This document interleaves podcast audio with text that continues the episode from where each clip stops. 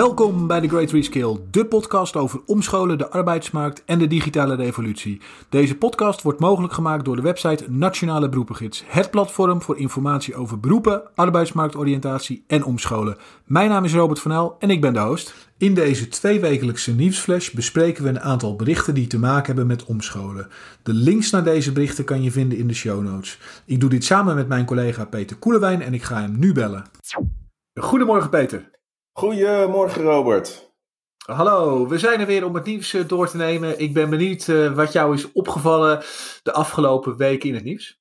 Uh, ja, ik heb wel een paar interessante berichten ge gelezen. zo las ik bijvoorbeeld in, op bd.nl.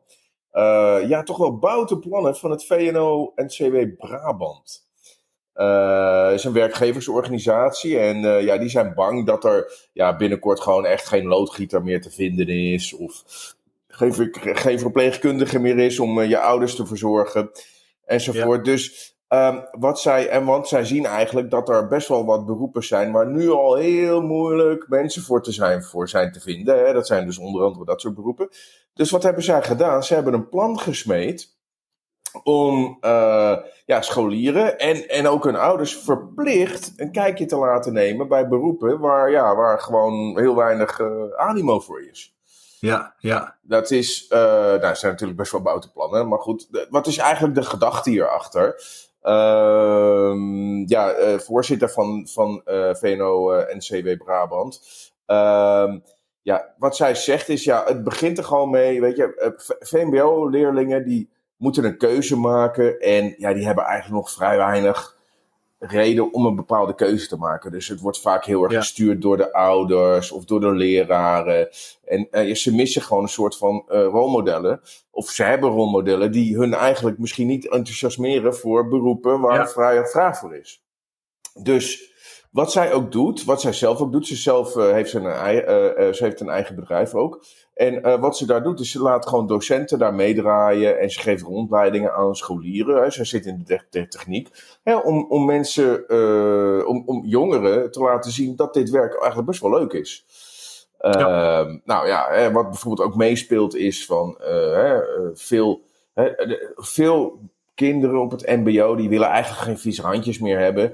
Hè? En uh, wat ze ook zien is dat gewoon heel veel MBO-studenten, als die klaar zijn met het MBO, gaan ze gelijk door naar het HBO. En, en daar missen ja. ze dus gewoon, hè, wat, wat zij noemt, zeg maar de gouden handjes met hersenen. Uh, en en daar, daar is gewoon veel vraag naar. Nou, wat hebben ze gedaan? Ja. Ze hebben die plannen besproken met een samenwerkingsverband van acht MBO's. Hè, om tot een actieplan te komen. En ja, wat, wat eigenlijk hè, de voorzitter daarvan, hè, Fred van Westerlaken, die zegt ook van ja, VNO loopt wel erg hard van stapel. Hè, weet je, echt verplicht stellen. Uh, maar goed, hè, er zijn ook wel wat. Kijk, kennismakingsdagen is natuurlijk een hartstikke goed. Uh, en ja, er zijn, er zijn eigenlijk al wat sturingsmechanismen, zegt hij. Weet je, daar zit bijvoorbeeld een rem op opleidingen waar amper werk voor is. Weet je, Bali-medewerker ja. bij een bank, ja, daar Daar was vroeger een opleiding voor, die is er niet meer. Maar bijvoorbeeld ook de opleiding evenementenorganisatie, ja, daar wordt nu flink op geduwd of hè, uh, van, hè, geremd, uh, ja. omdat daar gewoon geen werk te vinden is. Ja, ja. ja, ik vind het idee hè, om, om mensen kennis te laten maken met beroepen hè, waar, waar een tekort aan mensen is, vind ik, vind ik aan zich heel goed. Het -hmm. verplichte karakter staat mij persoonlijk wat tegen. Ja. Um, maar goed, hè, het, is, ja, het, het, het, idee op zich, nogmaals, het idee op zich is goed. Hè. Ik denk als, als hè, de, de banen waar het om gaat, hè, als, als die kunnen laten zien wat het beroep inhoudt, hè, wat zijn de baankansen, wat zijn de, wat zijn de arbeidsvoorwaarden die, er, die eraan vasthangen. Hè. Als dat inzichtelijk wordt gemaakt, hè, dat is natuurlijk wel hele relevante informatie voor, voor jonge mensen die, zich nog, die nog niet precies weten wat ze gaan doen. Hè. Dus dat idee is hartstikke goed. Ja. Maar nogmaals, hè, om dat verplicht te stellen, dat, dat vind ik persoonlijk een stap te ver. Ja, dat, dat vind ik ook. Ja. Dus dat, ja. ik las wel in dat artikel wel een voorbeeld waarin je ziet, ja, de nood is wel echt hoog. Uh, ja. Bijvoorbeeld uh, in, in Brabant uh, ja, studeren er komend jaar 2500 verzorgenden en verpleegkundigen af, terwijl er 9000 vacatures zijn. Ja, ja, dit voorbeeld is ook specifiek Brabant, hè, omdat je Ja. daar natuurlijk veel maakindustrie hebt. Ja. En, hè, en, en, en daar zijn dus hele grote tekorten. Dus daar speelt het nog wel wat meer dan in andere provincies. Dus ik, ik snap op zich wel dat ze, dat ze out of the box eh, denken.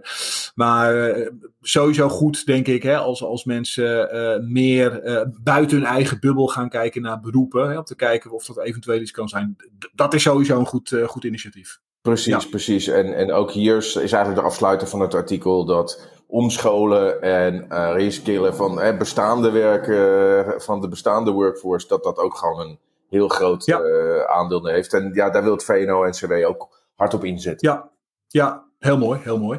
Ja, ik kwam op eh, de website van Eén Vandaag een artikel tegen met als titel Regionale mobiliteitsteams helpen werklozen met succes aan een baan.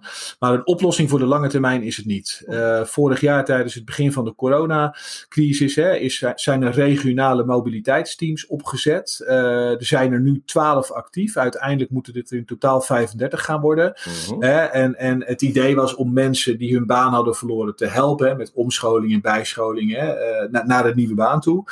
En ja, wat je ziet is dat, dat die teams eigenlijk eh, iedereen nu helpen die een switch wil gaan maken. Dus het is wat breder geworden dan SEC, alleen mensen die door, vanwege corona een baan hebben verloren. Mhm. En het plan is dat, of eigenlijk is, is, zou het volgend jaar weer gaan stoppen, 2022.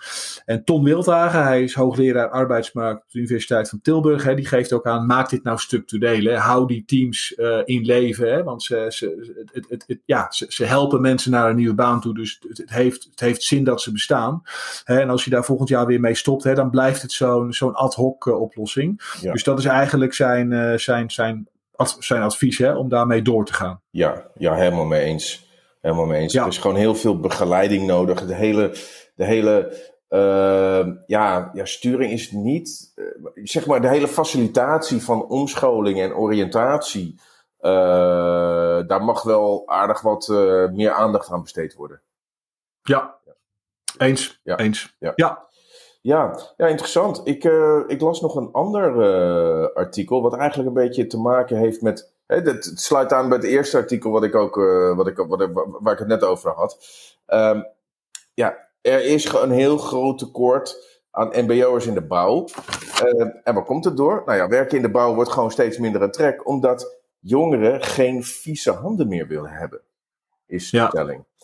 Ja, er is, eh, we weten dat er een, een tekort is aan woningen en daar moet best wel wat gebeuren. De, er zijn, werden best wel wat plannen gepresenteerd door de overheid. Ook van, ah ja, we hebben zoveel woningen nodig. Nou, alle projectontwikkelaars eh, die, eh, die krijgen er Spaans benauwd van als ze, die, als ze dat horen. Want ze hebben gewoon een tekort aan mensen. En, ja, ze hebben Ja. ze niet. En nou, wat heeft ehm, een, ehm, even kijken, een, een, een bouwondernemer, eh, Bas Smit, die heeft eigenlijk zijn eigen, eh, ja, wat is het, wervingscampagne voor de bouw eh, is die begonnen. En heeft hij een foto van gemaakt. Nou ja, dat, het- hij heeft een spandoek neergezet en er staat niet ieder kind wordt later arts of advocaat.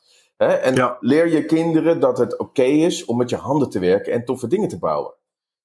Ja. Die foto heeft hij op, op Instagram gezet. En daar pakte hij 100, nee, wat is het? Ja, 130.000 likes mee. En daar Ja. is ze de reacties.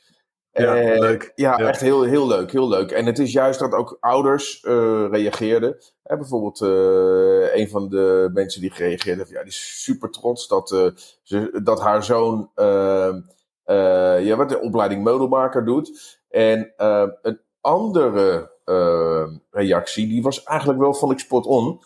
Ehm, ja, die zegt eigenlijk gewoon, ja, kijk, op de basisschool begint het probleem eigenlijk al. Want op de basisschool, mensen die moeten lezen, die moeten rekenen. Eh, hè, als je niet goed daarin bent, nou ja, dan heb je het hartstikke zwaar. Eh, maar ja, kijk, hè, op het moment als je wel van alles met je handen kan, ja, je krijgt gewoon allerlei stempels, maar je wordt helemaal niet bemoedigd om te leren werken met je handen. Ja. En ja, wat, wat, waar waar het eigenlijk op staat, is dat in de bouw zijn er, waren er altijd drie manieren om aan arbeidskrachten te komen. Nou, hè, jongeren die van de bouwopleidingen binnenkomen, zij-instromers, eh, dus eh, mensen die eh, omgeschoold zijn hè, vanwege wat voor reden dan ook. En buitenlandse arbeidskrachten. En daar zie je de afgelopen jaren een enorme groei.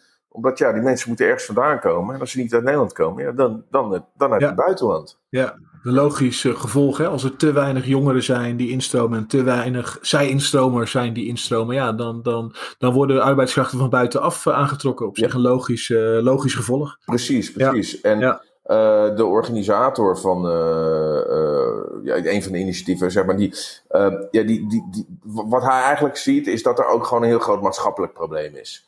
Eh, de bouw of werken met je handen is gewoon totaal niet eh, populair. En sterker nog, hij zag, eh, hij zag ergens hoe een groepje ja, hip, hippe jongens, zeg maar, Ja. een bouwvakker in de maling namen.